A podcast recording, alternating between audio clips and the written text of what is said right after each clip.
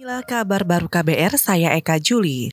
Kepolisian Papua berhasil menjangkau kampung Yongsu Desoyo yang terisolir akibat banjir bandang di Sentani, Jayapura. Sebanyak 90 keluarga yang mengungsi sudah mendapat bantuan logistik. Juru bicara Polda Papua Ahmad Mustafa Kamal mengatakan, hampir semua fasilitas umum dan layanan publik di kampung itu rusak berat listrik belum pulih sejak bencana terjadi. Kemarin juga datang, hari ini Dirpol Air pimpin langsung untuk membawa barang-barang kebutuhan masyarakat, di mana uh, sudah digeser tadi jam 09.00 untuk di, diberikan kepada saudara-saudara kita yang ada di wilayah dua distrik, karena satu wilayah kota Jayapura, satu wilayah Jayapura. Juru bicara Polda Papua, Ahmad Mustafa Kamal menambahkan, hingga tadi malam jumlah korban tewas mencapai 105 orang. Menurutnya, proses pencarian korban semakin berat karena jenazah banyak tertimbun pasir dan lumpur. Polisi terus menerjunkan tim anjing pelacak atau K9. Saudara Presiden Joko Widodo memerintahkan Direktur Utama PT MRT Jakarta, William Sabandar, untuk memperbaiki fasilitas di stasiun MRT agar lebih ramah disabilitas. Ini menindaklanjuti keluhan kelompok disabilitas yang disampaikan kepada Presiden Joko Widodo ketika menjajal kembali kereta MRT kemarin. Jokowi mengatakan mereka mengeluhkan jarak antara kereta dan peron yang terlalu jauh. Masih ada komplain mengenai jarak antara kereta dan platformnya.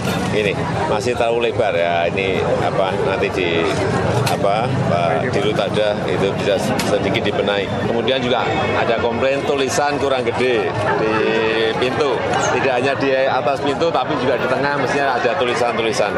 Ya, itu apa ini koreksi-koreksi yang eh, kita dengar dari para penumpang. Presiden Joko Widodo juga menambahkan MRT Jakarta Fase 1 rute Bundaran HI Lebak Bulus siap diresmikan secara komersial. Warga dipersilahkan menjajal moda transportasi berbasis rel ini secara gratis dalam uji coba dua pekan terakhir. Rencananya Jokowi bakal meresmikan MRT Jakarta pada hari Minggu besok bersamaan dengan dimulainya proyek MRT Jakarta Fase 2. Dirjen Minerba Kementerian ESDM Bambang Gatot Aryono diperiksa penyidik Komisi Pemeriksaan Korupsi setelah sebelumnya mangkir dari pemanggilan Senin lalu. Bambang diperiksa sebagai saksi untuk tersangka pengusaha Samintan yang diduga menyuap Wakil Ketua Komisi 7 DPR Eni Maulani Saragi.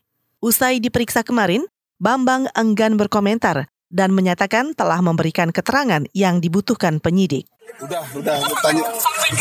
Ya udah saya jelaskan, nanti sudah saya jelaskan. Itu tadi Dirjen Minerba Kementerian ESDM Bambang Gatot Aryono. Dalam kasus ini, saudara, Samintan ditetapkan sebagai tersangka karena diduga memberi suap 5 miliar rupiah kepada Eni Saragi, selaku bekas Wakil Ketua Komisi 7 DPR. Suap diberikan agar Eni membantu anak perusahaan milik Samin PT Asmin Koalindo Tuhub yang tengah bermasalah soal kontrak dengan Kementerian ESDM. Perkara ini merupakan pengembangan kasus dugaan korupsi PLTU Riau I yang menjerat Eni Saragi, bekas Sekjen Partai Golkar Idrus Marham, dan pengusaha Johannes Koco. Tim bulu tangkis Indonesia hari ini bakal menghadapi Singapura pada babak perempat final kejuaraan beregu campuran Asia.